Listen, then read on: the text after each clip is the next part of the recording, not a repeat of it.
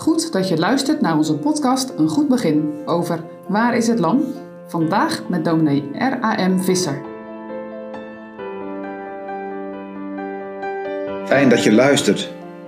Ik lees met je in de Bijbel uit Johannes 18, de versen 19 tot en met 22 en 27. De hoge priester dan vraagde Jezus van zijn discipelen en van zijn leer. Jezus antwoordde hem, ik heb vrij uitgesproken tot de wereld. Ik heb alle tijd geleerd in de synagoge, in de tempel, waar de Joden van alle plaatsen samenkomen. In het verborgen heb ik niets gesproken. Wat ondervraagt gij mij? Ondervraagt degene die het gehoord hebben, wat ik tot hen gesproken heb. Zie, deze weten wat ik gezegd heb.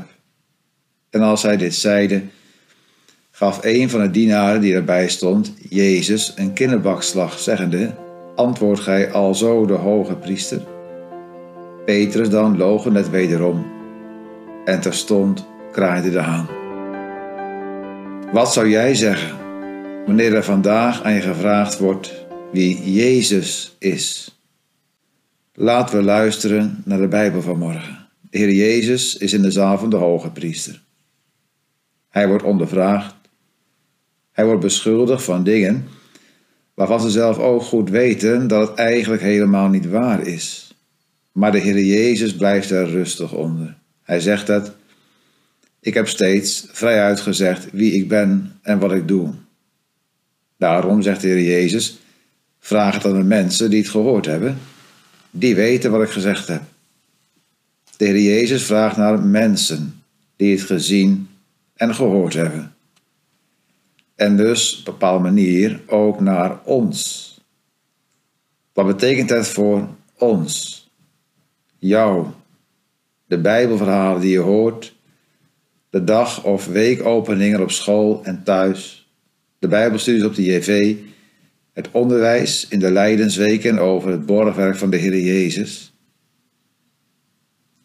We weten allemaal, onderwijs heb je nodig wanneer je iets leren moet.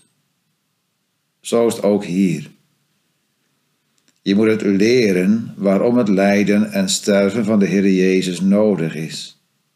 In de kerk wordt het wel eens zo gezegd: ontdekking is nodig aan wie je in geestelijk opzicht nu echt bent voor God.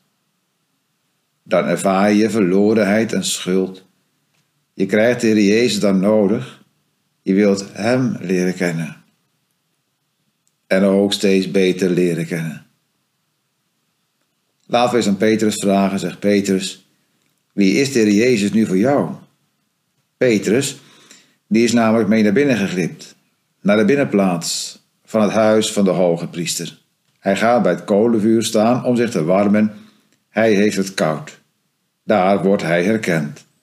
En een vraag gezet: Hé, hey, jij hoort toch ook bij hem? We horen het aan je dialect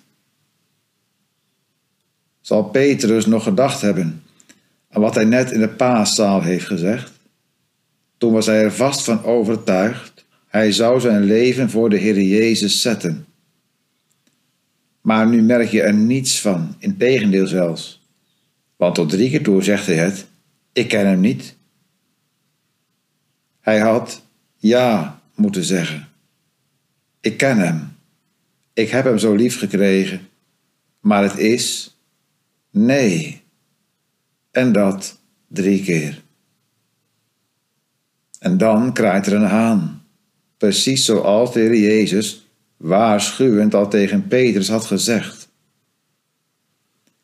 En dan breekt er bij Petrus van binnen iets. Wat je van leren kunt. Twee dingen wil ik je meegeven. Eerst dit.